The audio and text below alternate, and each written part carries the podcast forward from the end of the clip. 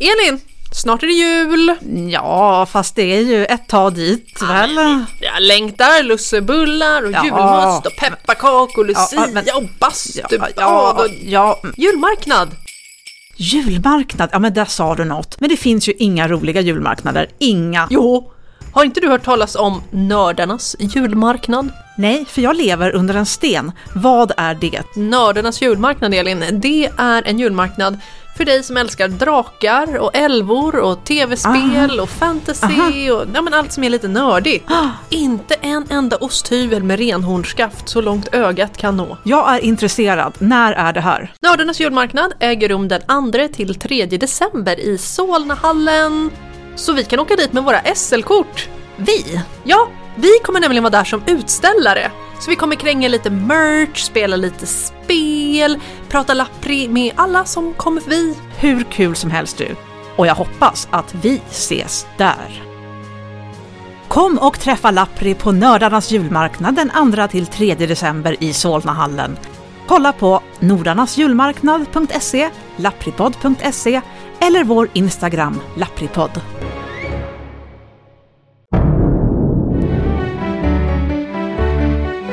Lappri.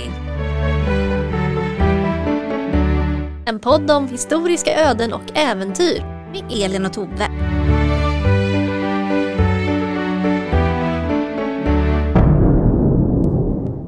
Hallå Elin! Hallå! Hej! Hej! God kväll, god kväll idag. Har du sett Indiana Jones? Alltså för jättelänge sedan så såg jag den där eh, De fördömdas tempel. Den tyckte, jag, den tyckte jag var väldigt tuff. Den, den är väldigt tuff. Ja. Indiana Jones är väldigt tufft. Jag har inte sett den senaste som kom i somras. ska Nej, jag inte jag säga. heller. Jag visste nästan att det hade kommit en i somras. Jag, men, jag, ja. jag läste alla spoilers på Reddit och bara "Åh." eh, Men jag vet inte om det ens stämmer. Det finns ju vissa komponenter som behövs för att skapa en eh, riktigt schysst Indiana Jones-film. ja, aphjärnor och Ap- att man drar ut någons hjärta ur kroppen när de fortfarande lever. Lite sånt. En piska. Jag har gjort en liten lista, men du har lagt till piska och aphjärna redan. Mm. En eh, karismatisk hjälte Ja, måste man ha. Och man måste också åka på en resa till någon typ av spännande plats. ja, nej, det blir inte lika roligt om det är typ en parkering i Kista. Nej, det är inte, det är inte lika spännande. Inte ens Kista galleria skulle vara särskilt Nej, men det finns många bra affärer i Kista galleria. Ja, det är, sant, Ja. det är sant. Du kan handla där innan du ger dig ut på din resa. Tips. Någon typ av quest. Ja, Ja. Läskiga skurkar. ja, ja. Mm. Nazister till exempel. Ja, det är nazister eller liksom läskiga ryssar. Kan Ja, finnas också. mm, något av de två. Och sen gärna någon historisk person som man kan interagera med lite grann. Mm. Brudar. Ja, ja, Mer eller mindre schyssta brudar. ja, Lite action, ja, ja. men också lite slapstick. Lite humor. Lite humor. Lite comic relief. ja, mm. Ja, och, du har, och någon t- plot twist kanske. ja, Ja, och så sa du piska och aphjärna också. Ja. Och jag vet inte om jag kommer kunna ge dig piska och aphjärna, men jag kommer kunna servera det mesta Anna i det här receptet. ja. För jag tror att jag har fått ihop Indiana Jones fast på 1600-talet. Det skulle jag vilja se. Förutom, Men nu får jag Mm. nöja mig med att höra kanske. du får höra det, så kan du, te- kan du tänka dig det i huvudet hur det ser Jag kommer ha en film rullande inne i huvudet. ut? Eh, och förutom att det är inte en arkeolog och det kommer inte hända något övernaturligt heller. Nej, okej. Nej, för det är så här, jag har läst en gammal bok Ja, En mycket, mycket gammal bok. Och det här är en biografi. Och eh, titeln är väldigt talande för vad det är. okej. Den är Kungliga svenska envoyén Ludvig Fabriti Leverne. Och utgåvan jag har läst är tryckt 1762 och författad av en viss Johan Kempe. Jag vet inte vem det är. Okej. Ja, men det är inte en jätteny bok alltså. Nej, det är en ganska gammal bok. Och som extra krydda så hittade man att det var Carl Gustav Tessins autograf i marginalen på den här boken. Jaha, men det här är ingen bok du äger själv då, nej, nej, kanske? nej, nej, nej, nej, nej, nej, nej. Eh, men han, han kan ha haft det här exemplaret i en bokhylla. Det är ju roligt. Ja. Men jag hoppas att han läste den också. Han, men han har inte skrivit någonting själv i marginalerna så här, det här var, os- det här var inte trovärdigt. Det I här- wish, I Nej, wish, nej. I wish. Men han har... ehm, Strukit under lite Inte ens det. rafflande. Nej, Han, han har skrivit nej. sitt namn i den ifall man lånar ut den till någon som sen inte lämnar tillbaks den. Ja men så som ofta sker. Men han klottrar inte sina egna böcker, det tycker jag är ett fint Det är karaktärsdrag. för, föredömligt och han har inte vikt in sidorna heller för att Mm. Nej, markera. som jag gör. Ja, nej. Jag, jag gör också det faktiskt. Ja, nej men det är lite klass på, på Tessin. Ja. Och i förordet så låter författaren oss veta att det är huvudpersonens son Alexander Rudolf Fabricius som har tagits initiativ till att publicera den här boken. Så det handlar alltså om hans pappa. Okej. Och författaren vill också att när vi läser det här eller då lyssnar, då ska vi tacka Gud för vårt lugn och alla bekvämligheter som vi har. Men det gör jag varje dag. Ja, det tycker jag du kan göra. Ja. Så det kan man ju tänka på lite extra nu när man lyssnar. Och den här boken, när den här boken skrevs, då har man utgått från huvudpersonen som alltså är herr Ludwig Fabricius, hans egna nedteckningar då. Och eh, självbiografin den finns i Riksarkivet, men det är inte den jag har suttit med när jag skrev det här avsnittet. ja, men det är ändå det, det är hans självbiografi som är grunden i Precis. den här tryckta Precis. utgåvan. Ja, Absolut, ja. kanske lite redigerad då av, av den här Johan. Kempe. Ja, det är det. Och eh, författaren eh, säger också att det här är en person som vi kommer lära oss om nu som reste väldigt mycket. Men författaren kommer, säger att han kommer inte redogöra för utländska märkvärdigheter. Okej. Och han skriver också att om man vill läsa om det då kan man läsa en annan bok. Ja, okej. ja, men Mm. Ja. det är bra. Han, han inger oss i rätt förväntningar här. Ja, men det här är precis. ingen resebeskrivning.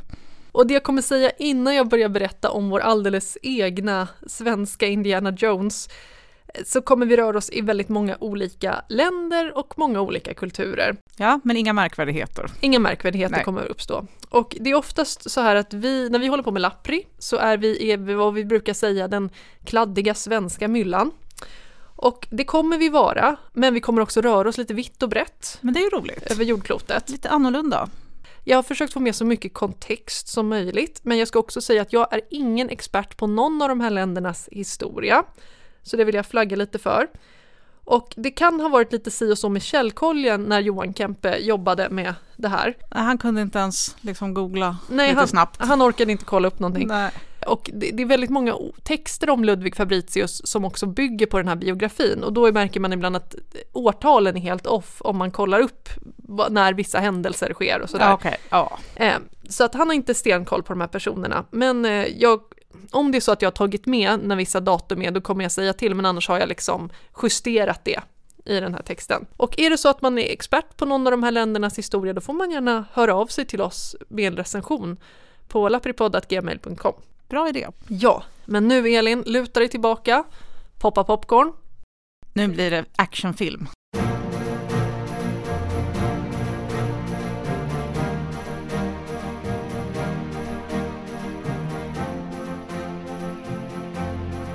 Ludvig Fabricius 1. Unge Ludvig Fabricius. För egentligen är det så att man ska göra några filmer och sen kommer det någon keff spin-off som ska visa huvudpersonens ungdom. De är alltid jättedåliga. Ja, de är jättedåliga, men vi börjar där Ja. Mm. ändå. Och i vanliga fall så inleder ju vi våra berättelser här i Lappri med att någon föds, antagligen i ett palats eller i ett soldattorp Ja. någonstans i Sverige. Så Något brukar av det. Inget, Inga mellanting. Nej, det är de här två som Ja. gäller. Men innan vi ens kan bevittna den här födseln så måste vi ge oss ut på en väldigt lång resa. Vår käre Ludvig Fabricius är född av holländska föräldrar, men inte i Nederländerna. Okej. För lille gossen Ludvig ser dagens ljus på fästningen Oranien som ligger i norra Brasilien. Den- Ja. Ja, den 11 september. Antingen 1648 eller 44, men jag tror att 48 är trovärdigare. Och föräldrarna är Johan Gregorius Fabricius, doktor och professor från Leiden. Och mamma heter Elisabeth Funk och han har också en syster som heter Amelia. Det är oklart om hon är äldre eller yngre än lille Ludvig. Och vad gör de i Brasilien? Precis, Elin, vad tusan gör en holländsk familj i mitten på 1600-talet i Brasilien? De behöver ju inte fly, fly från liksom Nürnbergrättegångar och sånt där. på Nej. den tiden. Nej. Nej, det har de inte gjort, men Nej. de har flytt från någonting annat. De har inte begått brott mot, brott mot mänskligheten. Det kan de ha gjort också för att Ja, i och för sig, det är Holland vi sockerplantager- pratar om. Sockerplantager i Bras- Brasilien, det, de mm. kan ha begått, det kan ha begåtts brott mot mänskligheten här. Det har du, ja. Ja. Mm. Eh, men sådär, föräldrarna hade flyttat till Brasilien i samband med det vi kallar för det nederländska frihetskriget mot Spanien då som utspelar sig under början av 1600-talet eller ett jätte, jättelångt krig egentligen, det löper över 80 år. Oj. Och samtidigt så pågår ju också det 30-åriga kriget, så det är väldigt mycket krig i Europa. Kallar holländarna det för det 80-åriga kriget? Det är 80-åriga, 83-åriga Ja, kriget. ja. Jag vet faktiskt inte vad det heter Nej. i, i Nederländerna. Jag, kan, jag, kan, jag har lite holländska kompisar, jag kan fråga dem faktiskt. Ja, men galet långt krig. Ja, väldigt långa kriget, eh, men Sluta med det där. det nederländska frihetskriget. Samtidigt som det här kriget pågår så blir Nederländerna, de blir ju en sje- självständig nation. Men de blir också en väldigt viktig storspelare på kort tid på grund av att man bygger upp en väldigt stark flotta. Ja, Ja. Och i samband med att man som nation på 1600-talet bygger upp en flotta, vad kan man göra med den, Elin? segla ut på de sju haven. Ja, det kan man göra. Ja, Eh, det kan man göra, man kan segla iväg och sen kan man komma till någon plats där folk kanske inte har en schysst flotta och vapen. ja, Där kan man kolonisera. ja, Ja, ja. ja. Och Jätteglad. Ja! ja! Och Brasilien. Eh, rikt på naturresurser och fullt av dyrbara slock- sockerplantager, eh, diamantproduktion, annat som sköts av slavar. Eh, ja, mycket annan exploatering som man kan slå mynt av. Ja, Brasilien är attraktivt. på Ja, ja, men 1600-talet. det, det, ja, här finns allt. Yes. Och Portugal har ju koloniserat Brasilien tidigare. Men på 1630-talet då kommer Nederländerna dit och ockuperar den här portugisiska kolonin. Mm.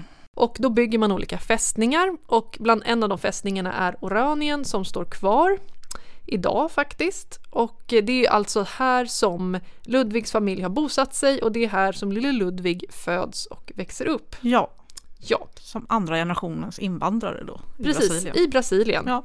Men pappa Johan avlider, citat, i en medelmåttig ålder. Okej. Så att, vi vet inte hur gammal pappa är, men han Nej. blir inte så gammal. Nej. Så han dör väldigt tidigt. Och mamma Elisabeth gifter då ganska snart om sig med ett riktigt kap. Den eh, holländske majoren, major Rudolf Behm. Och jag slaktar säkert alla dessa namn som jag kommer säga i den här. Jag vet inte hur man säger Behm på... Men han heter så i alla fall, Behm. Och Med han två E. är en baddare. Han är en riktig baddare och de gifter sig 1657 när alltså lille Ludvig är nio år. Mm. Och i samband med det här äktenskapet så flyttar familjen BM slash Fabricius från Brasilien till Holland. Ja, Ja. Och efter ett tag så blir BM överste vid ryska artilleriet så han går alltså i rysk krigstjänst, den här BM. ja, Och då tar han med sig Ludvig för att ha Ludvig som sin adjutant. Okej. Helt enkelt, som man kan göra. ja. Keeping it in the family. Ja, och det var den första delen.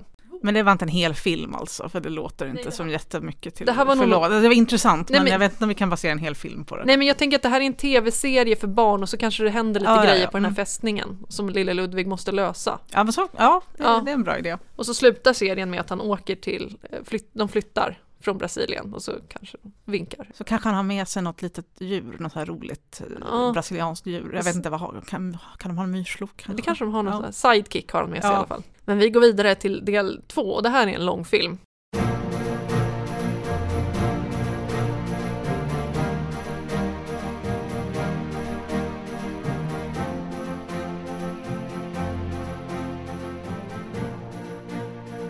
Ludvig Fabricius och kosackernas rike. Ja, men det skulle jag vilja se. När vi nu möter Ludvig Fabricius har några år passerat. Han har arbetat för militären i början slash mitten av 1660-talet och han är fortfarande med sin styvfar då i rysk militärtjänst, då, Rudolf. Och det här är alltså Tsar-Ryssland som de jobbar för. Det exakta årtalet är lite oklart, men jag har ringat in det till ungefär 1668-1669. Mm. Så han är ungefär 20-21 år gammal. En ung man. Ja, och han är där i rysk krigstjänst, han är väldigt mycket i Moskva. Men plötsligt störs friden av larm. Ett kosackuppror har uppstått Och inte nu igen. i söder, runt Volga. Ja, Och ja, kosacker var, ja, så här. Inom ett så här stort rike som Tsar-Ryssland är, nu gestikulerar jag stort här så att man ska förstå men det syns inte för det här är eh, Ja, men- ljud. Men Men jag håller ut gestikulerar. händerna jag håller mycket. och i Tsarryssland, det, det finns väldigt många olika folkgrupper. Det här är inget streamlinat rike under 1600-talet. Det, det är det ju inte nu heller, det finns ju väldigt många etniska minoriteter i Ryssland. Och en av de här grupperna är kosacker, som vid den här tiden har fungerat som vad jag förstår någon slags semi-självständig grupp, men som Moskva nu mer och mer vill låta underkasta sig då. Ja, ja.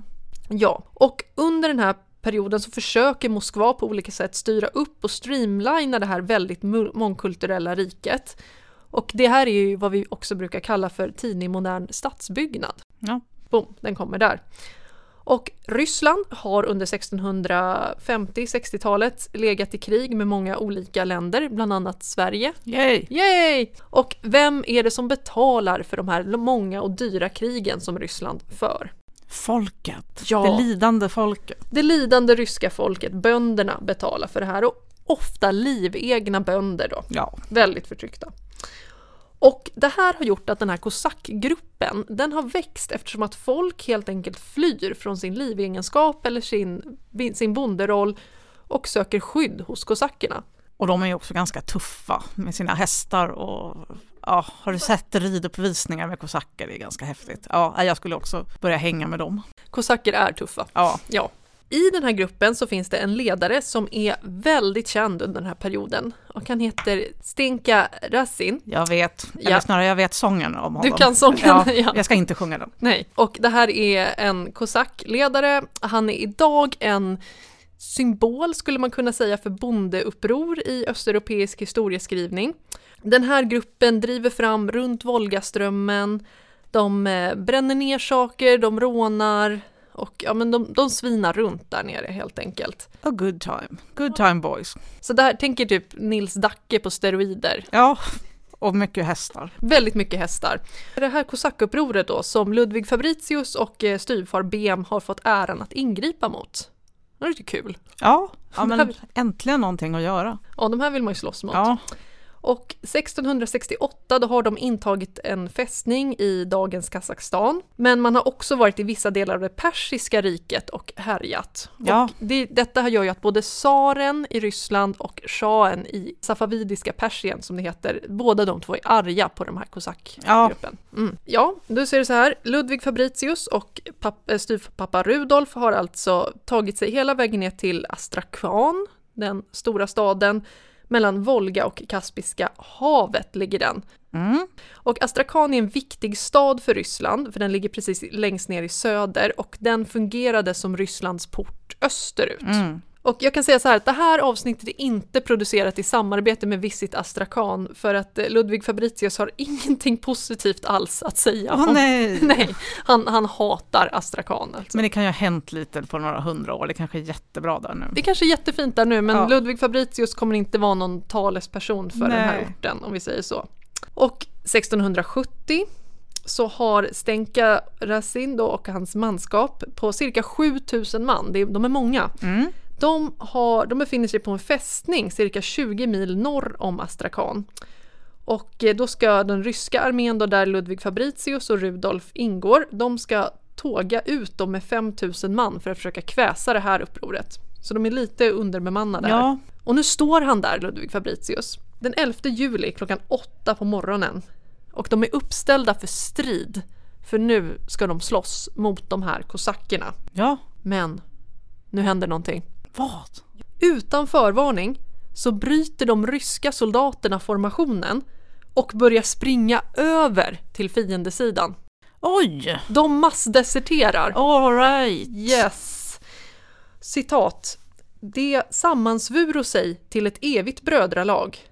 Ty, nu skall de tyranniska bojarerna, alltså den ryska adeln, Ja, platt ut, eh, utrotas, trädol, träldomsoket ska avtrubbas och de som andra skall bliva ett fritt folk. okej. Ja, nej men det, det kan man ju ha sympati Jag, jag, för. för- jag förstår dem. Ja. Jag förstår dem att, aha, men ska vi slåss mot dem eller ska vi gå ihop med dem? ja, Så att, ja, den här soldaterna springer dit och Ludvig Fabricius och de andra officerarna, de är ungefär 80 personer. De fattar ju att det här är ju inte bra. Nej.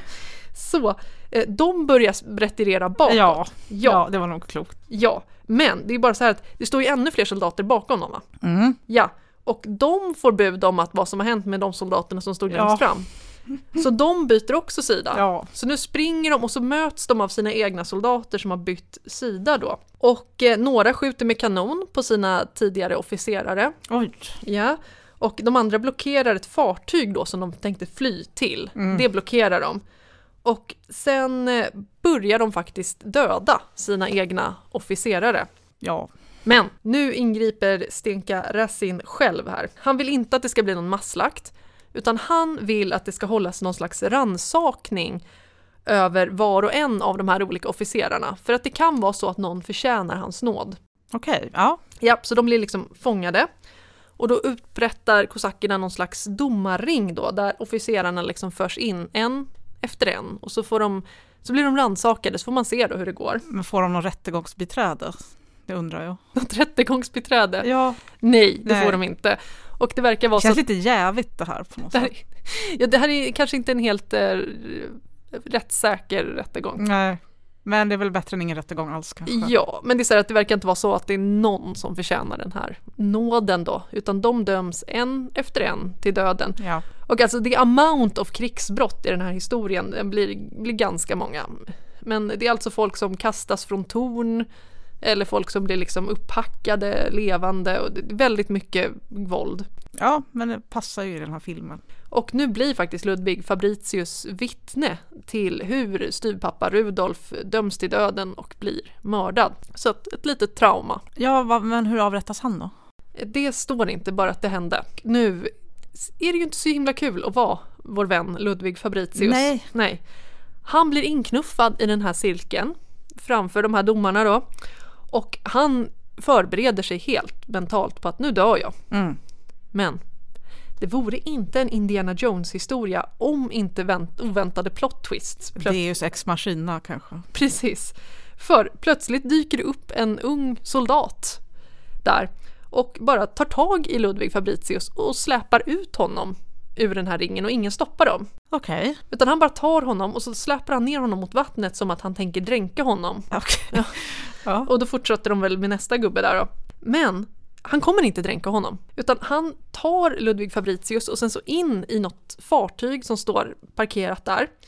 Och sen börjar han... Står parkerad. ja men det står något fartyg Ja. parkerat. Ja, det hade parkerat där. De Ja. hade parkerat där. Parkeringsplats för fartyg fanns där. Vad bra. Jag är en riktig sjöbuse. Jag hör det. Lever mitt liv till havs. Ja. ja, men, men det här är ju helt otroligt. Ja, okej. Men Så han in, in i det här fartyget. Och där så börjar han klä ut honom, så han byter kläder på honom och sen så sågar han av, de använder också u- uttrycket sågar, av allt hår på Ludvig Fabricius. Ja, man de sågar av håret. Ja. Sågar av, fast med kniv då, står- men det står så ändå sågar. ja. Och klär ut honom i lokala kläder. Och så får han sitta i det här fartyget och bara vänta på vad ska hända nu. Ja. Men han klarar sig från den här massakern genom att sitta där.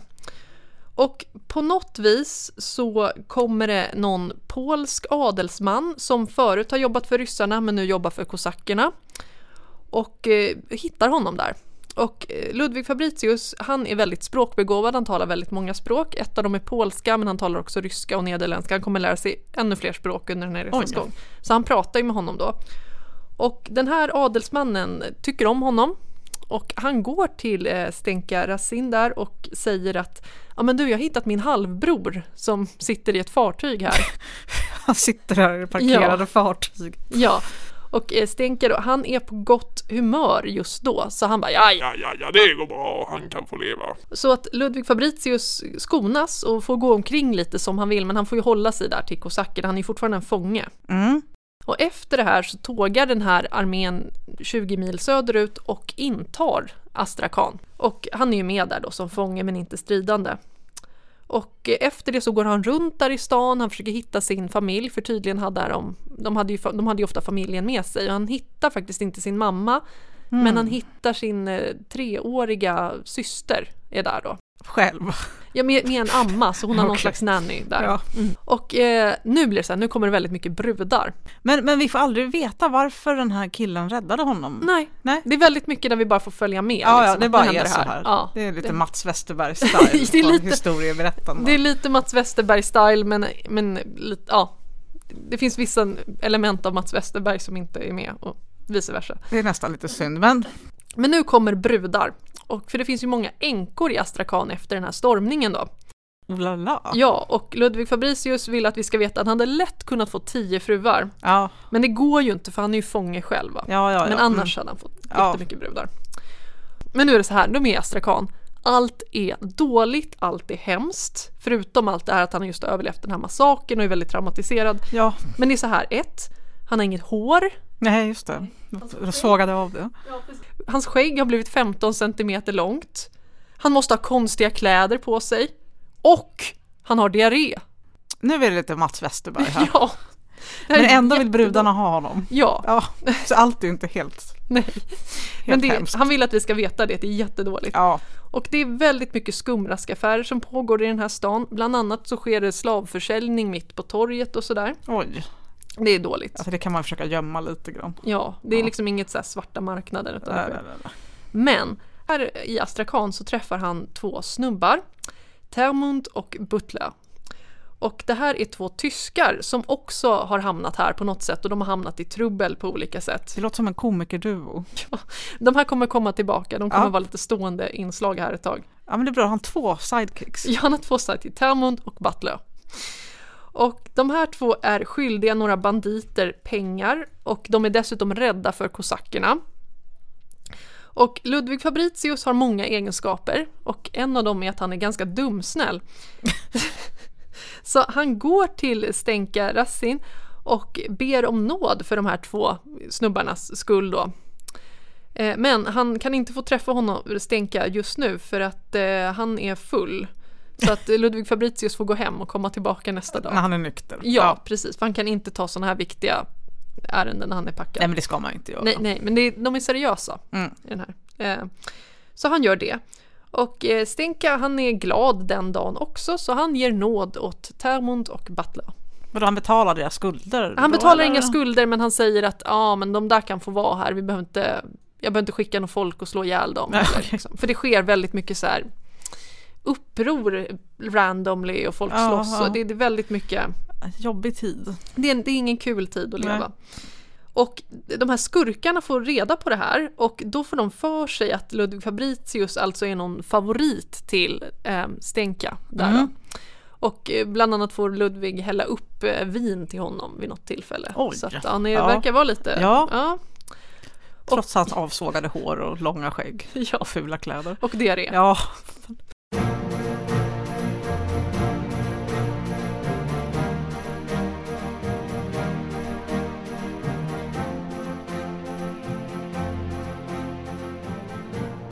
Och en eh, riktigt kass tid i Astrakhan passerar. Men så bestäms det att alla som bor i stan ska komma och samlas på torget. För de har ju stormat stan och sen har de tagit liksom alla rikedomar de kunde hitta. Ja. Och nu ska det här delas upp mellan alla som bor där. Så de verkar dela upp det här broderligt mellan allihopa. okej. Ja. Så först rånar de dem och sen ska de ge tillbaka? Ja, sen ska Ja. det delas Ja. liksom, så att alla får lika Alla var mycket. lika mycket. Ja, Ja, alla ska men det lika här är ju superfint. Ja, men jag, jag gillar Oj. idén. Liksom, Ludvig Ja. Fabricius är inte en stridande. Nu fördelar vi om allting här ja, men och börjar precis. om. Ja, nu gör vi om det här. Mm. Och eh, Ludvig Fabricius, han står där och väntar på sin tur. Men då kommer de här skurkarna. Han har ju räddat Termund och Butler från de här skurkarna. Ja, Och de, är, de här Termund och Butler har på något sätt varit skyldiga dem pengar. Men nu har ju de fått nåd av Stenka, men de här skurkarna vill ju fortfarande ha pengarna. ja. Så de ser ju Ludvig Fabricius och då kommer de fram och eh, säger att Du har ju blåst oss på pengar. så att de kräver att de ska ha motsvarande 200 riksdaler av Ludvig Fabricius. Mhm. Och han, ja, ja, ja, jag ska betala, jag ska betala, jag ska betala. Och han säger det att, ja, men jag ska ju få pengar nu, jag står ju och väntar på att få pengar nu och då får ni dem, Ja. jag lovar. Men det, det var ju ganska mycket folk här va, så att det, Ludvig Fabricius får inte 200 riksdaler utan får motsvarande ti- 10. Oj. Ja. Ja. eh, det här struntar skurk- skurkarna i och de kommer springande såsom vilddjur. Citat. Och eh, Ludvig Fabricius han ber och ber och lovar att ja, men jag ska betala, jag ska betala. Om han så ska t- åka till månen efter pengar Ja, så ska han betala ja för men det det är här. en hederssak. Ja, men Det är det och de kommer kanske slå ihjäl honom om Ja, han inte betalar. Om han inte det betalar också. det här. Ludvig Fabricius letar upp några indiska köpmän som finns i den här staden. Och de är rätt schyssta, de tänker att ja, men vi ska hjälpa dig. Eh, Men de vill hjälpa honom, men de har inte heller några pengar. För att alla deras varor blev ju stulna när staden blev stormad. Ja, Och nu har de just köpt tillbaka sina stulna varor igen, fast på kredit, för de har inga pengar. Då, så, det är så illa det är alltså. Men de här varorna har ju ändå ett värde. Och här låter författaren oss veta att så låter den paradox begripa sig att hos mindre upplysta finnes ofta mera samvete och i den tjocka hedendomen finnas en öm mänsklighet. det var ju väldigt storsint och fördomsfritt. Väldigt fördomsfritt. Ja. Mm. Ja, vill du kommentera på det? Nej, jag tror man vi kan trycka den på något. Ja. Men då, de här eh, köpmännen då, de ger alltså de här varorna till skurkarna. Så att Ludvig Fabricius blir av med de här skurkarna. Det är ju jättesnällt. Det är ju så men det känns schysst. också som att vi förstår inte riktigt varför de, de gör det Nej här. men de, de bara tycker gör synd, det. ja, men de tycker synd om honom. Alla bara gillar Ludvig så ja, mycket. folk gillar honom. Han Ja. är skön. Ja. Och han har ju diarré och det är synd om Ja, honom. det är lite synd om honom. Ja. Hans fula kläder. Och aldrig har han varit så lättad, vill han att vi ska veta. Nej. Men nu vill författaren påpeka att eh, nu kanske du som läsare eller som lyssnare nu sitter och undrar ja, men varför gick han inte till en domstol om han var utpressad på pengar? Men det är så här. Det är ej rådligt eh, att gå till rätta med tjuvar och skälmar när domarna även är och sådana. Ja, det är ju sant förstås. Ja, nej men det går inte. Nej.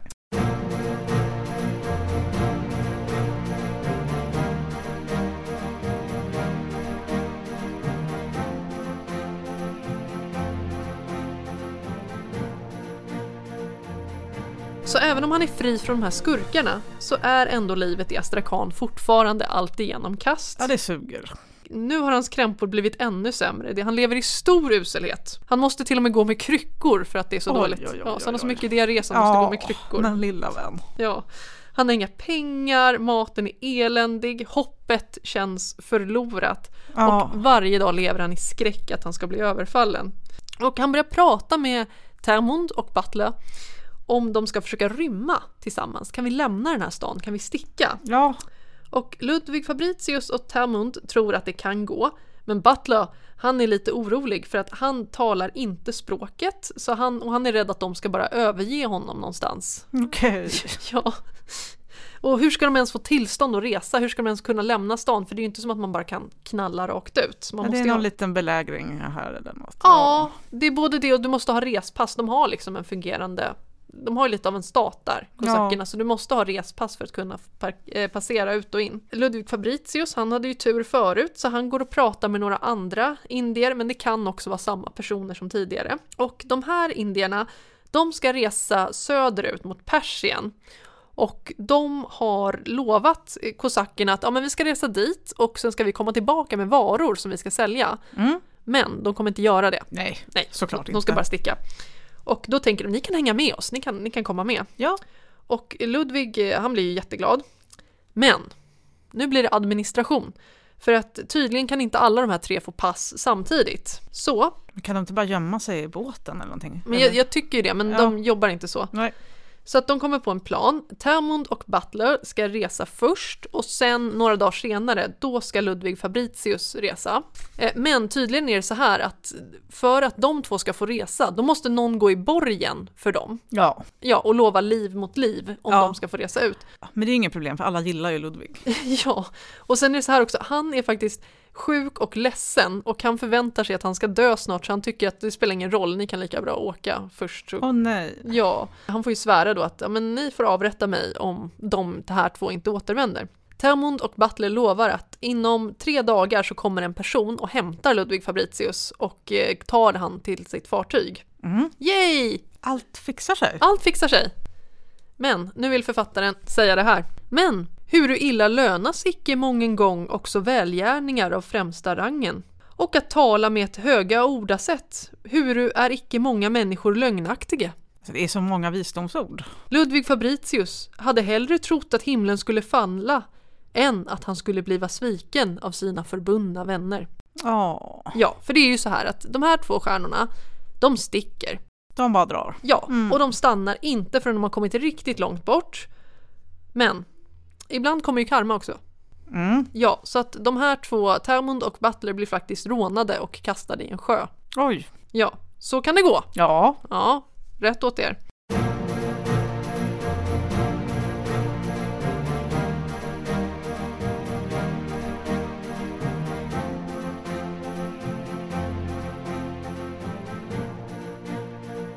Och samtidigt i Astrakan så lyckas Ludvig Fabritius få hjälp av en präst att lura en, en över hundra år gammal man som är huvudansvarig för att skriva ut pass. okej. Okej, ja, men ja. Så att då, då gick det att få pass. Ja. Okej, men har man ett sånt system så får man ju faktiskt räkna med att, Ja, att bli bedragen då och då. det, så är förvaltningen. Åh, nej, stackars gubbe. Ja. Vad är pensionsåldern där? Typ 120 eller? ja, men precis. Han har några gyllene år kvar. Ja. Mm. Sen får Ludvig Fabritius kontakt med den bästa personen i hela den här storyn. Och det är handelsmannen Måla. Måla. Måla. Och jag vet inte så mycket om Måla annat än att han jobbar med handel, gissningsvis någon typ av sidenvägsrelaterad handel. Och han kommer från Indien och han är hindu, det vet vi. Och Måla och hans vänner, de består av både indier och armenier. Och de ska resa och Måla tycker att "Ah, ja, ja, Ludvig, du kan komma med oss, du kan åka med på vårt fartyg. Ja. Så yay! Ludvig Fabritius in i Målas fartyg, nu seglar de iväg. Nu är han fri.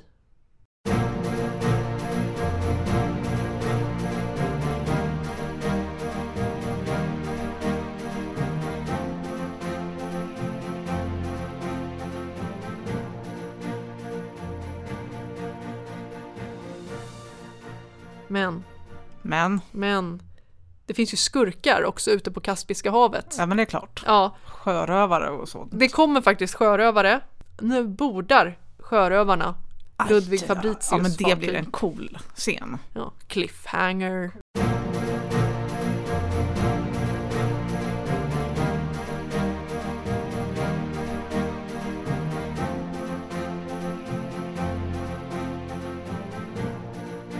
Och vi går vidare till del tre som heter Ludvig Fabritius och bojornas förbannelse. Oj. Men lilla systern, henne skiter Vi, vi bara i. vi bryr Ja, inte oss, nej. jag vet inte ens vad hon heter. Nej. Det spelar ingen roll. Ja, när vi senast mötte Ludvig Fabritius så försökte han åka båt på Kaspiska havet, men båten har blivit bordad av skurkar. Och nu blir det lite trigger warning för human trafficking här, men det är väldigt uppenbart att de här skurkarna, de är ute efter människor. Och de går igenom alla passagerare och konstaterar att indierna och armenierna är, vill, vill de inte ta. Okej. De är svårsålda på något sätt. Och, men däremot är Ludvig Fabritius mycket intressant. Men han är ju typ nerskiten och sjuk. Ja, och har skägg. Ja, Ja. Men han blir alltså tillfångatagen och förd till Tarku i dagens eh, Dagestan i södra Ryssland. Där han faktiskt säljs på en slavauktion. nu kanske du inte tycker att Astrakan är så himla dåligt längre, Ludvig. Tarku är sämre. Eh, kan du gissa vad han kostade? Oj, i våra, I, i rubel? våra pengar, i rubel. Ja, det, Alltså jag kan väl gissa men det skulle inte säga mig någonting. jag kan säga han kostade 200 rubel. Okej. Ja, jag vet inte om det är mycket pengar, Nej. men han gick för 200 rubel. Ja. Och där säljs Ludvig Fabritius. Men Måla, vår hjälte, han lovar att försöka rädda honom. Åh, måla. Ja, så Ludvig Fabritius, så kom han nu, det man plär kalla, ut ur dopp i regn och ut ur askan i elden. Ja men det får man ju faktiskt säga. Och för ordningens skull så vill vi på Lapri påpeka att slavhandel och trafficking klassas som brott mot de mänskliga rättigheterna och är strängligen förbjudet. Okej, det är så alltså. Ja, Mm, inte mm. ens holländare får man alltså sälja, Elin. Nej, äh, nej, nej men det, jag ska ha det i minnet.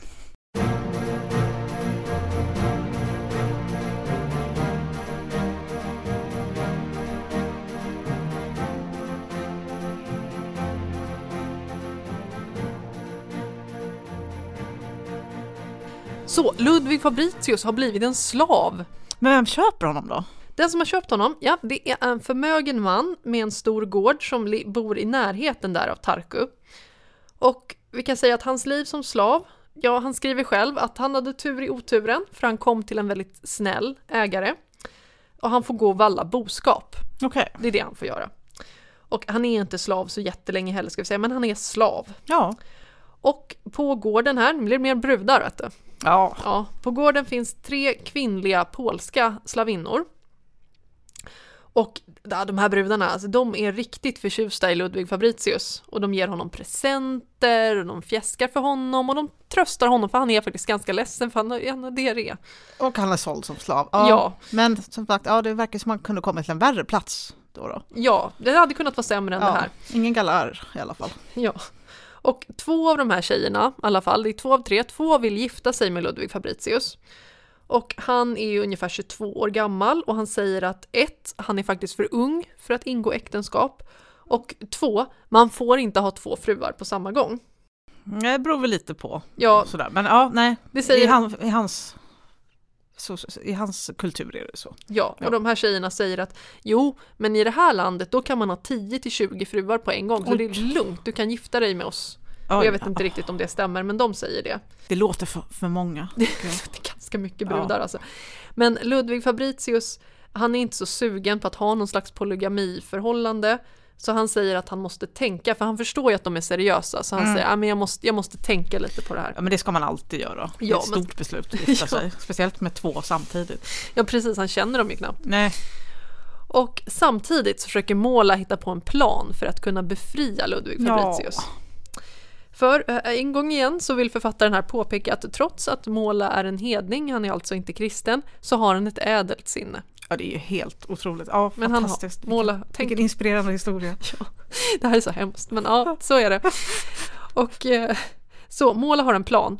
Måla går och ljuger för Ludvig Fabricius ägare att Ludvig Fabricius har lurat Måla på pengar och därför vill Måla köpa honom. Hmm. Ja, Ja, det finns kanske någon logik där. på Mm. Ja. något sätt. ja, ja mm. och eh, den här ägaren säger att ja, ja, men du kan få han för 500 spänn, 500 rubel. Okej, oj, det är en jätteökning. Han Ja, kanske men- har fått äta upp sig lite grann. Ja, precis. Han kanske inte har skägg längre. Nej. Eh, så 500 rubel för Ludvig Fabricius. Men Måla börjar pruta. Ja, det ska man också alltid göra. Man ska alltid pruta om när man, man kan. köper slavar. Du, det, jag är lite obekväm med hur, hur mycket du vet om den marknaden, men jag säger ingenting. Jag har läst mycket. Okej. ja. Ja, säg. ja. Måla börjar pruta.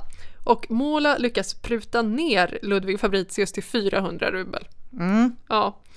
Och eh, här vill jag påpeka att det är mycket litteratur som säger att Ludvig Fabricius friköptes av holländska affärsman och det är inte sant, det Nej, var är- Måla. Det är Måla. Det är Måla. Alltså, det är Måla som ska ha all cred här. Ja, justice för Måla. Måla räddade Ludvig Fabricius. På egen bekostnad. Ja, ja, ja, ja, ja. Och det blir ju stor dramatik på de här tjejerna när besked kommer att Ludvig Fabricius har blivit såld. Ja, Den den har är- de ingen. Nej, det har ingen snubbe. Den ena tjejen kastar sig på marken framför frun i huset och eh, gråter och säger att jag har varit hos er i fem år och jag har aldrig begärt någonting. Och du har lovat att jag skulle få ett bra gifte och jag vill ha honom. Mm. Och frun bara, "Ha, oj då. Men mannen i huset säger att nej, han är redan såld, du kan inte få honom. Nej, Nej. köp honom. det går inte. Det, det, det är kört. Men frun, hon tycker tvärtom. Så hon, hon lyssnar på sin slav här. Ja, Så att hon säger att, till sin man då att aha, men du har sålt honom, men jag har inte sålt honom. Så att eh, jag tillåter inte att du säljer honom. okej. Ja, och så börjar de här äkta paret då, de börjar bråka om han är såld eller inte såld. Mm. Ja. Och eh, det slutar med att eh, fru vinner och man får skicka en budbärare till Måla att nej, han var inte såld. Och Måla kommer tillbaka och är ganska arg och förvirrad. över Ja, det vad här. är det här? De är inte seriösa. Men precis. Och eh, mannen säger att han är faktiskt man i huset så han bestämmer. Men frun bryr sig inte. Och då plockar Måla fram åtta rubel sidentyg. Så att ett sidentyg värt åtta rubel Mm. och ger till henne. Och då, då är det okej. Ja, okej, ja. Nej, men Ja, kvinnor, man kan alltid blända dem lite. Ja, men lite må- nipper och... Måla Sant. vet hur man pratar med brudar. Ja. Ja. Och sen tar Måla Ludvig Fabricius hand i hand och så vandrar de hem. I solnedgången. Ja, det står Ja. faktiskt att de tar varandra hand i hand. Det är så fint. Ja.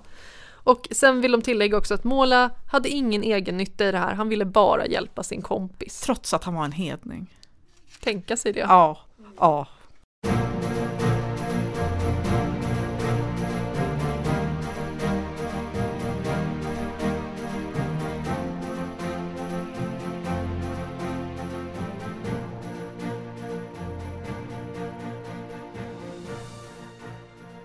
De kommer hem till Måla. Och gissa vilka två snubbar som sitter hemma hos Måla och hänger. Ja men det är vår tyska komikerduo. Ja, det är Termont och Butler. Så de blev uppfiskade ur den här sjön som de kastade sig i. Ja, Ja. gissningsvis av Måla. ja för han, oj oj oj. Han styr ju upp allt det här. Ja. Och de här två ber om ursäkt och Termond skyller allt på Butler. Och Butler erkänner att ja, det var faktiskt hans fel för att eh, det- ja, han, han tyckte de kunde di- ditcha Ludvig Fabricius och bara sticka. Och eh, så fort de kommer till Persien så ska han gottgöra Ludvig Fabricius, det lovar han. Och Ludvig Fabricius säger ingenting om det här men Måla säger, tar honom åt sidan och säger att Butler har betett sig mycket nedrigt och citat Hans uppförande mot så oerhörda välgärningar aldrig stod då att försona. Mm. Men Måla vill att Ludvig Fabricius ska veta att han kommer aldrig lida så länge Måla finns. Nej. Nej, alltså Måla är ju någon slags övernaturligt väsen. Han är så jävla bra. Ja, den gudmodern. Ja, på något sätt. Så hela det här gänget bryter upp och reser till Derbent. I, eh, ja, i, eh, den här staden ligger idag i Dagestan i Ryssland men 1670 så ligger den inom det persiska riket. Mm. Och man är väldigt glad för att vara framme. Men de här tre då, Ludvig Fabricius, Termund och Butler, de har inga pengar. Måla har ju sitt business. Ja, ja. Ja.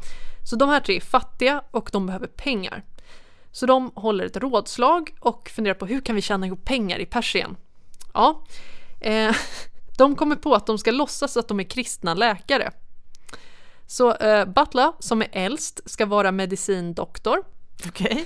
Ludvig Fabricius ska vara apotekare. Och Termund ska vara den han var. Okej. Det är, förs- det är bara den han är. Ja, ja. Ja. Och, Han eh, gör i alla fall inte vad man säger åt honom. Så. Det är väl precis. Och detta fungerar väldigt väl för det är många i lokalbefolkningen som, som vill komma och bli behandlade hos de här läkarna. Då. Men de är bara kvacksalvare. Ja, de Så- håller ja. Mm. bara på. Och nu ska du få veta deras arbetsgång på den här läkarmottagningen. Oj, jag kan inte vänta. Eh, först får patienten träffa Butler och Butler känner lite på pulsen och frågar om tillståndet. Och sen tar han ett papper och skriver citat “några kråkfötter” Ja. och sen på en lapp som patienten får gå och ge till Ludvig Fabricius. Och Ludvig Fabricius låtsas läsa på lappen noga och sen säger han att han ska försöka ordna medicin. Bara han får pengar så kan de komma och hämta ut den sen om några timmar. Och sen får Termond röra ihop någonting. Okej. Och se- nu citerar jag alltså. Emellertid lagade Termot det som kunde tjäna, ty de andra visste knappt vad medicin var. Botemedlen vore mest simplisa och bestod av granatäppelskal, pulveriserad tegelsten och annat lappri, Ja. som likväl stundom lyckades tämligen väl emedan folket hade så god tillförsikt till dessa doktorer och trodde att de, gjort rä- eh, trodde att de rätt av grund hade lärt sig sin konst. Alltså placebo. Ja, så de tjänar ganska bra med pengar och kan köpa nya kläder. Och efter en liten sväng till Esfahan, alltså dåvarande huvudstaden i Persien, så där Ludvig Fabricius r- råkar möta Målas bror som bor där. Ja, Eh, och Målas bror bara ger honom 100 riksdaler i för cash. han är lika schysst. Ja, de är jätteschyssta i den här Ja. familjen. Han bara, men ta det här. Så kommer ett besked att ryska armén har besegrat kosackerna i Astrakhan. Okej. Stenkarasin har förts till Moskva för att torteras offentligt och avrättas. Ja, det ser nog inte så bra ut för Nej, honom. det, det, Det, det blir inte så kul där. Nej. Och då tänker Ludvig Fabricius att ja, men då är det ju säkert, säkert att återvända dit nu. Så han pratar med Måla och Måla bara, ja men vi kan sticka till Astrakhan. Och eh, när de kommer fram till Astrakhan, då får Ludvig Fabricius hämta ut en stor summa pengar av den ryska armén för lön för den tid som han har varit borta. De bara, Ja. men här, ta cash, Ja, varsågod. och lite, lite för sveda och värk. Ja, men lite så. Och nu vill han gå och betala tillbaka alla pengar som han är skyldig Måla, för Måla har liksom köpt honom fri. Ja, herregud. Men Måla vill absolut inte ha och absolut inte någon jävla ränta. Han bara nej, skall jag taga ränta av en fattig slav? Det vore en oförlåtlig synd och en obarmhärtighet som skulle ropa hämnd från himlen. Alltså måla, det finns ju inte ord nog. Eh, vi kan säga så här att när de är i Astrakhan så begås extremt mycket krigsbrott. Och Ja, den ryska generalen som är här, han kan inte äta på dagarna om han först inte har fått titta på tortyr. Men usch. Eh, Ludwig Fabricius eh, reser istället norrut till Moskva och där han jobbar och tar det lugnt i ett par år. Och Han blir befordrad till major och sen till överstelöjtnant och sen lämnar han den ryska krigstjänsten för att nu räcker det här. Ja, Och Ludwig Fabricius funderar över vad han ska göra med sitt liv. Men då kommer det besked att kung Karl XI av Sverige har börjat kriga med Danmark. Och det här kriget bryter ut 1675 så att vi är ungefär där i tiden Mm. nu. Ludwig Fabricius beslutar sig för att ja, men då ska jag resa via Riga till Stockholm för att försöka erbjuda mina tjänster i Ja. kung Karls armé. får man chansen att slåss mot Danmark så tar man ju den.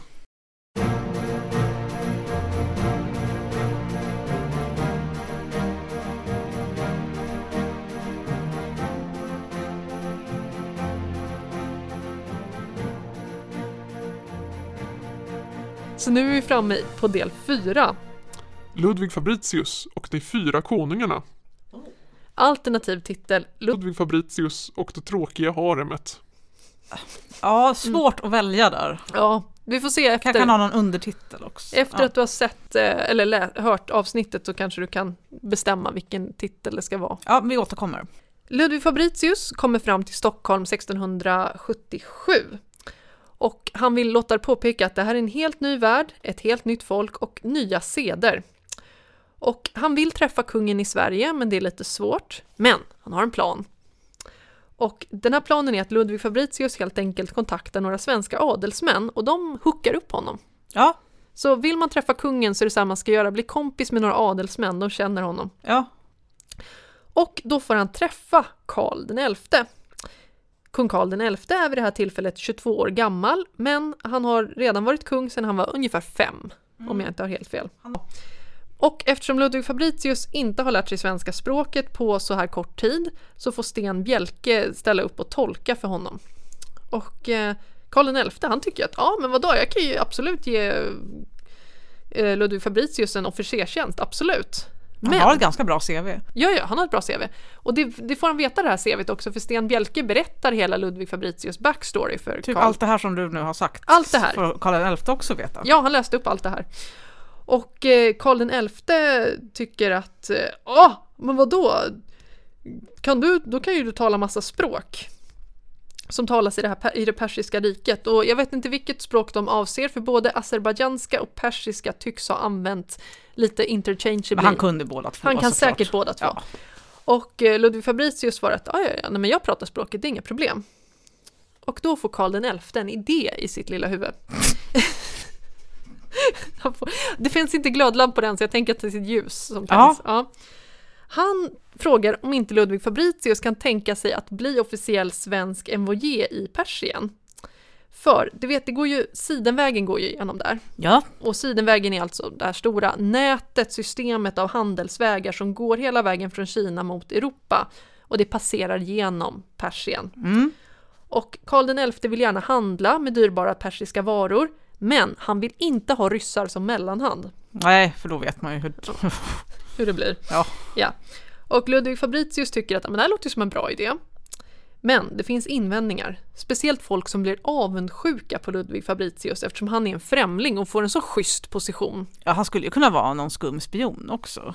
Ja, men Plus att han bara kommer från ingenstans. Det är en jäkla karriär. Ja, och eh, Karl XI struntar tydligen i det, han, för han gör Det är som han klart vill. han gör. Ja, han bara, nej men jag bedömer, han är ingen människokännare. Och eh, tyvärr är det så här att kriget har gjort eh, kungens kassa ganska skral. Men Ludwig Fabricius har just fått ärva en stor summa pengar av någon morbror i Holland. Så att han bara, ja men jag kan lägga ut. Jag lägger ut för den här resan, bara jag får bli envoyé. Ja, Och som kunglig svensk envoyé extraordinär reser Ludvig Fabricius till Persien den 30 maj 1679. Och eh, ja, vi ska gå igenom det lite snabbt men vi kan säga att det blir väldigt mycket tjafs i Moskva eftersom att ryssarna förstår precis varför han är ute Mm. och eh, vill inte låta honom passera.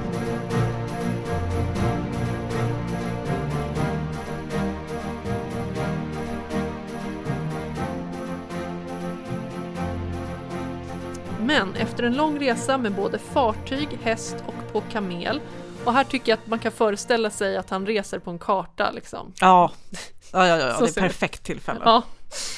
Eh, Och så ett klipp när han sitter på den här kamelen. ja, så här och sen så... Och så är det lite så här eh, eh, stereotyp arabisk musik. Typ. Ja, precis, även om de inte ens är... Ja, ja, ja. Mm. Det, är ändå, det är bara helt 100% orientalism. Ja, men lite så här egyptiskt. liksom. Det är lite egyptiskt. Man kan se någon pyramid kanske i Fast de bakgrunden. är i Persien. Ja. Okej. Eh, och till slut når han Esfahan, huvudstaden i det persiska riket. Men förhandlingarna går lite trögt för i Persien vet man knappt vad Sverige är för någonting. Och de har konkurrens av både ryssar och danskar som försöker sabotera på olika vis. Men det är lätt, då kan man säga, alltså vi är som danskar fast mycket bättre. Då vet de Så. precis vad det är. Level up! Ja, Och eh, det blir, inte bättre, det blir inte bättre av att de handelsmän som Ludvig Fabricius till slut lyckas få med sig vänder i Moskva. För att eh, folk i Moskva pratar ner hela förslaget och bara men ni kommer inte få någonting sålt i Sverige, ni kommer inte få någonting sålt. Så då vänder vad de. pissigt. Ja, det är, det är väldigt mycket sabotage. Ja, Så Ludvigs första tripp som envoyé var inte helt lyckad. nej. Nej, men som tur är Karl XI ganska chill och eh, han är redo att ge vår vän fler chanser.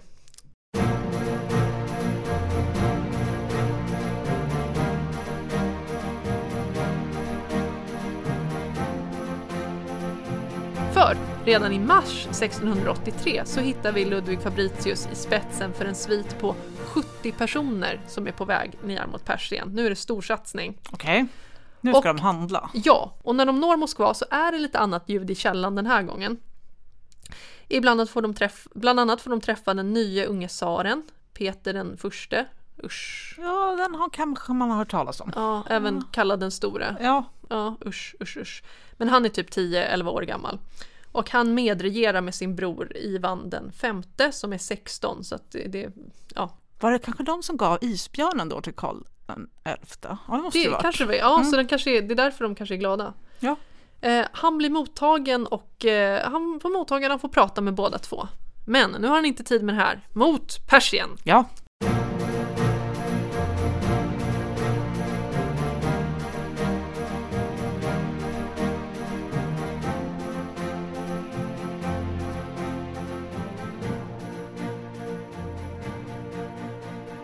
Och snart når han återigen Esfahan, pärlan i det persiska riket.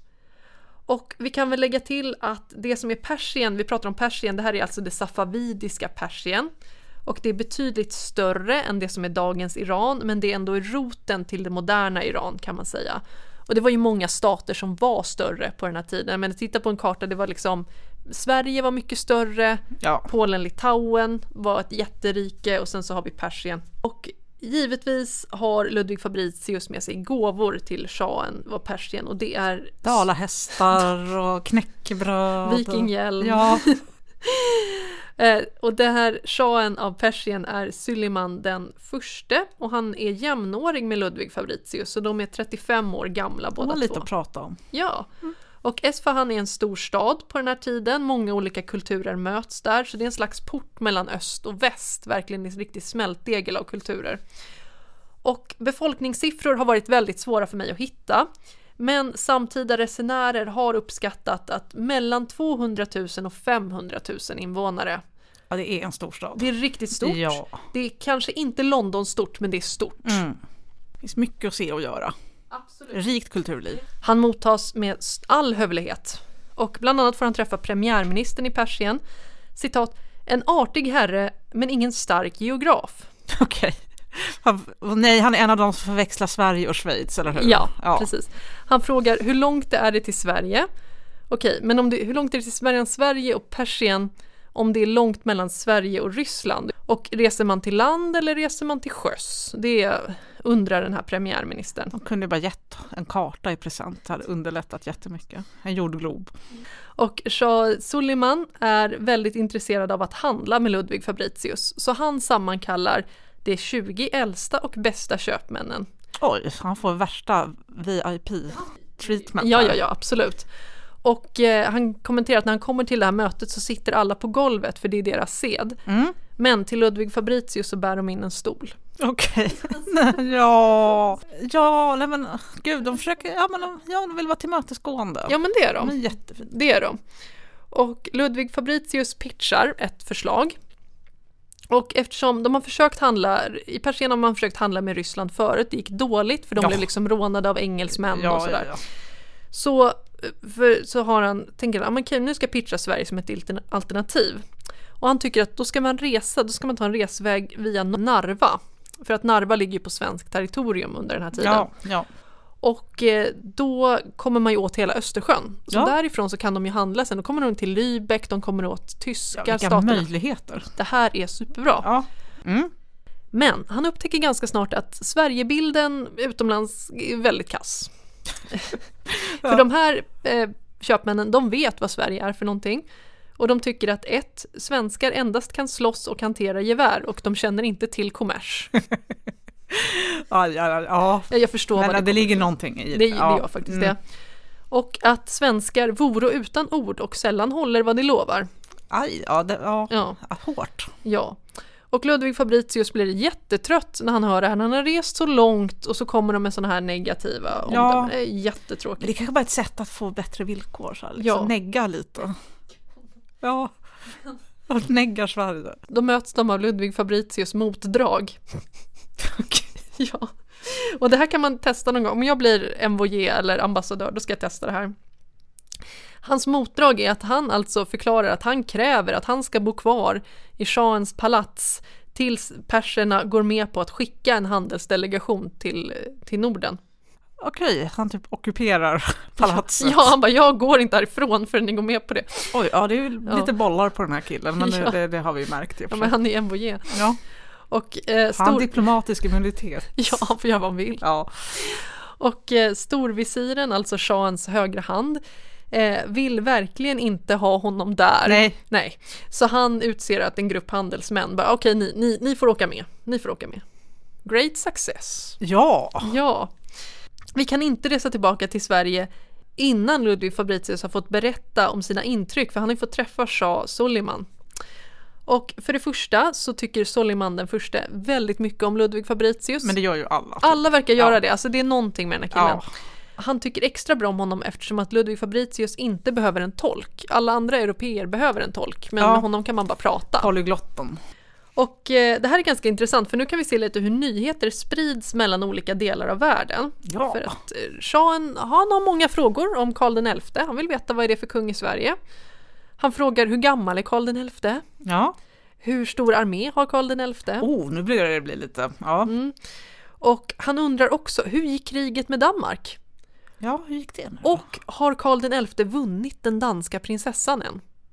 Mm, han har koll Han alltså. har koll på det här. Ja, för det han anspelar, han menar här det är ju att eh, Karl XI gifte sig med den danska prinsessan Ulrika Eleonora som en del av fredsförhandlingarna med kriget med Danmark och de gifte sig 1680, så några år innan det här. Ja.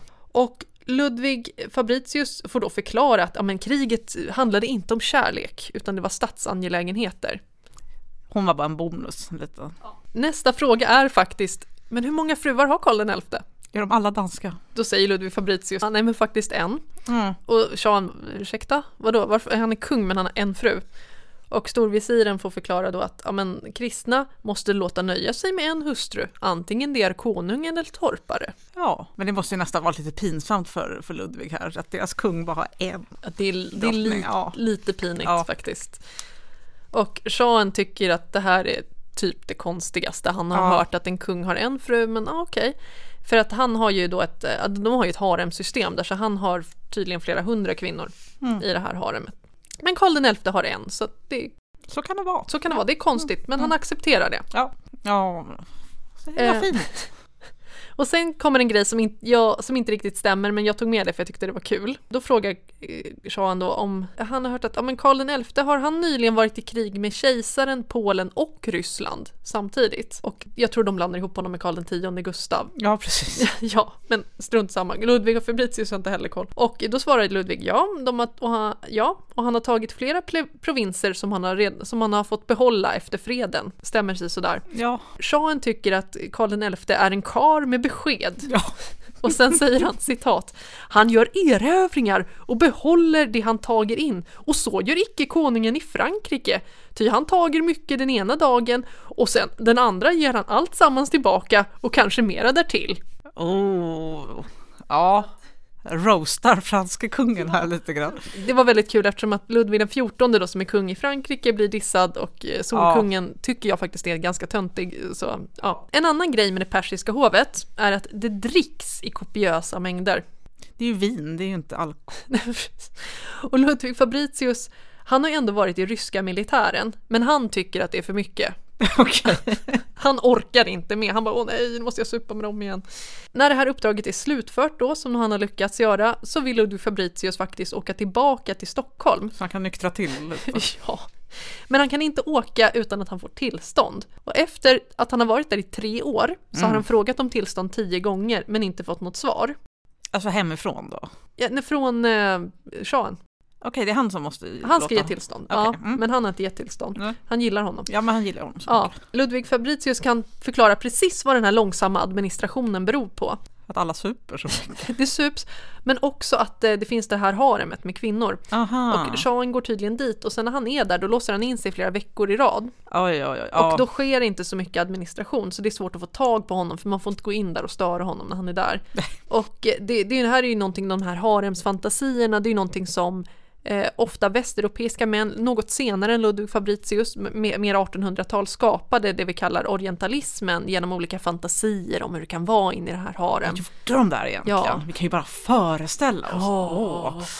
Men vi kan säga att Ludwig Fabricius verkligen inte är en del av den här harem-dregel-traditionen för han är bara irriterad. Ja, Han vill bara åka hem. Han ja, det är bara ett slöseri med tid. Men efter åtminstone tre år och fyra månader, då får han tillåtelse att resa hem. Avskedet firas med största prakt med hästar, karar i guld och ädla stenar, elefanter, lejon, tigrar och an- andra djur som var till för prydnad. Och i december 1688 är han tillbaka i Stockholm igen. Och Karl XI är extremt nöjd och perserna och armenierna som har följt med tillbaka de mottas med stor ståt och får se citat alla märkvärdiga platser. Vad? Vad det nu betyder. Jag Ja, vet inte vad de fick nej. titta på. Nej. Men alla märkvärdiga platser. Så det var den. Vad tycker du att den ska heta? Det tråkiga haremet eller de fyra konungarna? Alltså jag tror vi får f- tyvärr alltså skriva om det lite grann, för det måste ju vara en så här lite r- slapstick-scen att han råkar hamna in i haremet och där får han ju absolut inte vara. Och så måste han gömma, sig. liksom. Ja. Och så kommer shahen in och så Ja, visst, han står visst, bakom visst. en planta. Det Det, känns som jag har sett det här i någon film redan, men det gör inget. spelar ingen roll. Nej.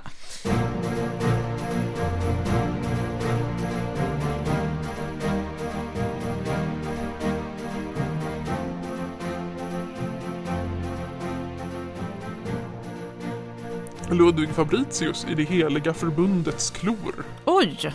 Och vad gör Karl XI med folk han vill belöna, speciellt under 1680-talet? Adlar. Han adlar Ja. dem. Ja. Så det är det som händer med Ludvig Fabricius. Han blir adlad 1687 och hans adelssköld är jättefin. Jag ska visa den för dig sen. Den är blågul och sen så är det det safavidiska lejonet. Så det är liksom Persiens flagga på. Ja, ja, ja. Mm. Och sen så är det som en tulba, turban på, Ja. som, som prydnad. Ja. Så att han har liksom inte en krona utan han har en turban. ja. Får han ett nytt namn också, eller? Han behåller sitt gamla. Han behåller, ja. mm. Och det står också att han ville behålla sin faders namn. Och den här kommer jag förstås lägga upp på Instagram. Och 1689 så gifter han sig med Anna Kristina von Schönfeldt och med tiden får det här paret 15 barn, 9 pojkar och 6 flickor. Och alla de här barnen är födda mellan 1690 och 16, eh, 1710. Ja, bra jobbat.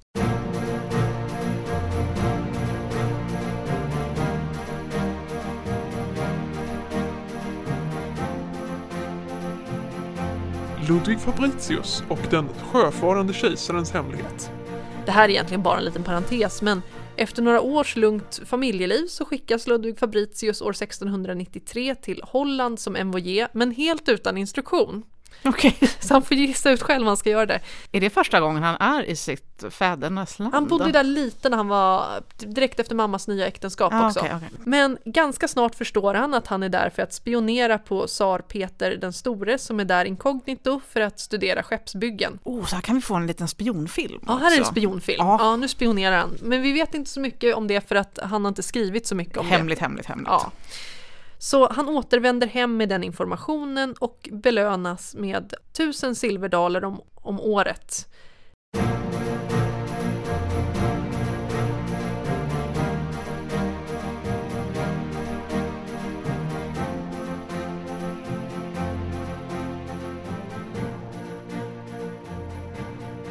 Ludvig Fabricius och den onödigt långsamma administrationen. Okej, igen! Ja. Oj. Den blir ännu värre. Ja.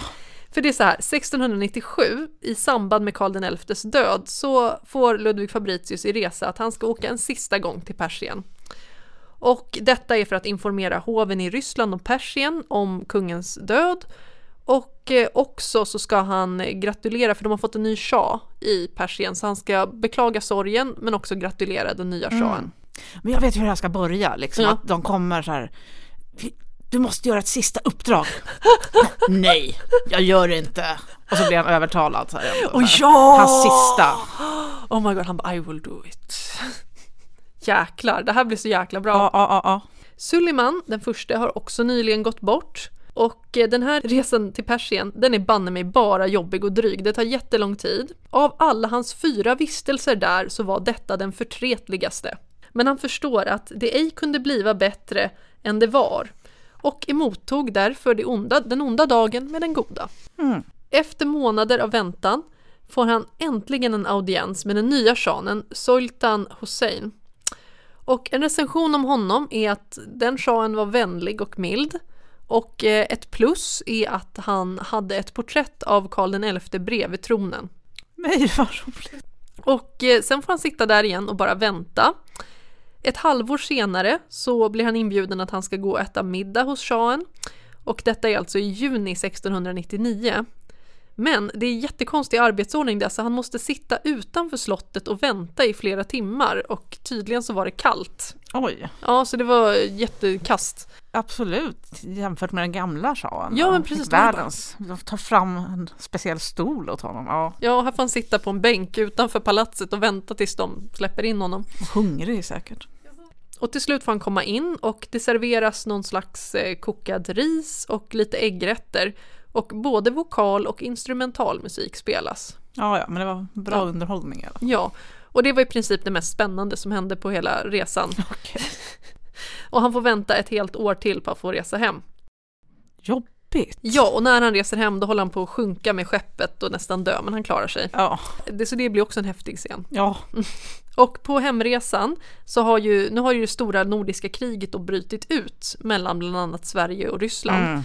Så på hemresan blir flera av de persiska handelsmännen som hamnat lite på efterkälken, de blir fångade av ryssarna. Oj. Ja. Så kul. Men Ludvig Fabricius klarar sig, för han brukar klara sig, och tar sig till Sverige. Men nu är han över 50 år gammal och han har tröttat på så många handa besvärligheter. Ja. Han får göra lite små diplomatiska uppdrag men inget stort. För nu vill han bara ta det lugnt och skönt. Var med sin familj. Ja. Och det får han i den här sista delen av den här filmserien.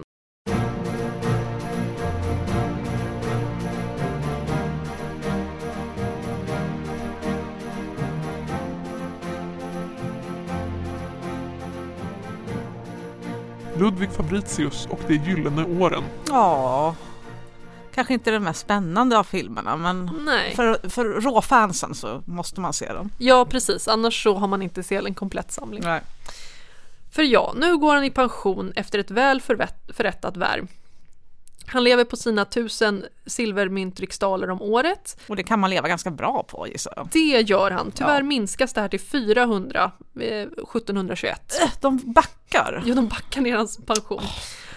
Och eh, daler silvermynt, vad jag har förstått så är det tre gånger värt daler kopparmynt. Och eh, för det här kan han tydligen köpa 25 stycken biblar om året enligt en väldigt bra bok som jag har kollat upp i. Ja, ja, ja. Den heter Vad kostade det? okej. Ja. Så det är mycket pengar. Pengarna. ja. Han lever rätt bra på de här pengarna. Han och Anna Christiania och barnen bebor gården Loxtaholm som ligger i Knivsta i Uppland. Mhm. Men eh, 1710 blir Ludvig Fabricius enkling när Anna går bort.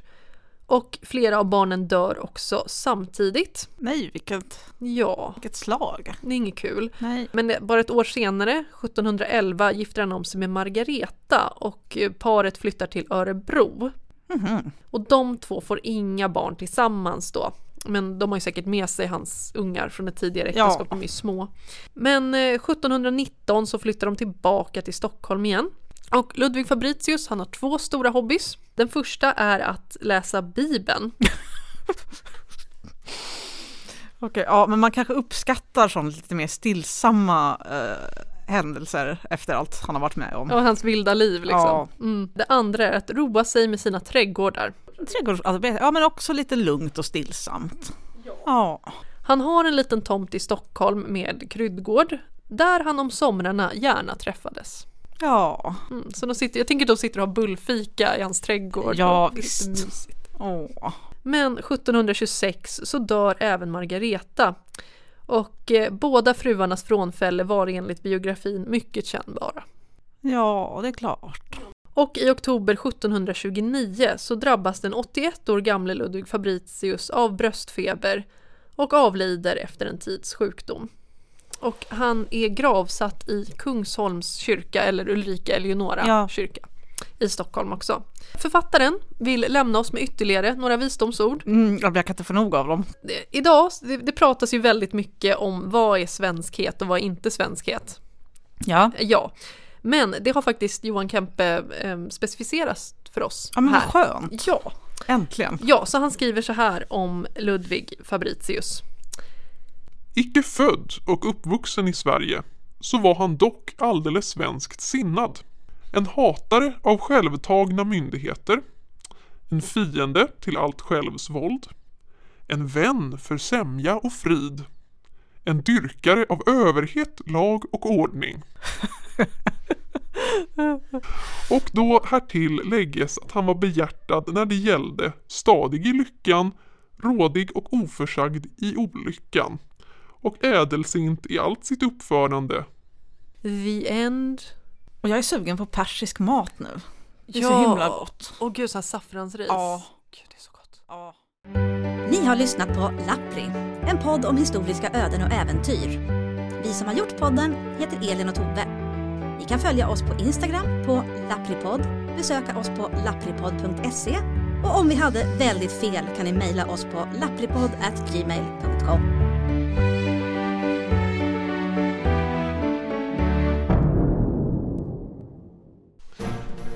Hallå! Detta är Ludvig Fabricius som talar. Ibland är jag ute på resa och upptäcker att kungen av Sverige har skickat med en alldeles för dålig diplomatisk gåva. Åh nej! Vad ska jag göra? Ja, då går jag in snabbt på www.lapprimerch.se och klickar hem en fin gåva som jag kan ge i diplomatisk present. www.lapprimerch.se för alla dina behov av diplomatiska gåvor.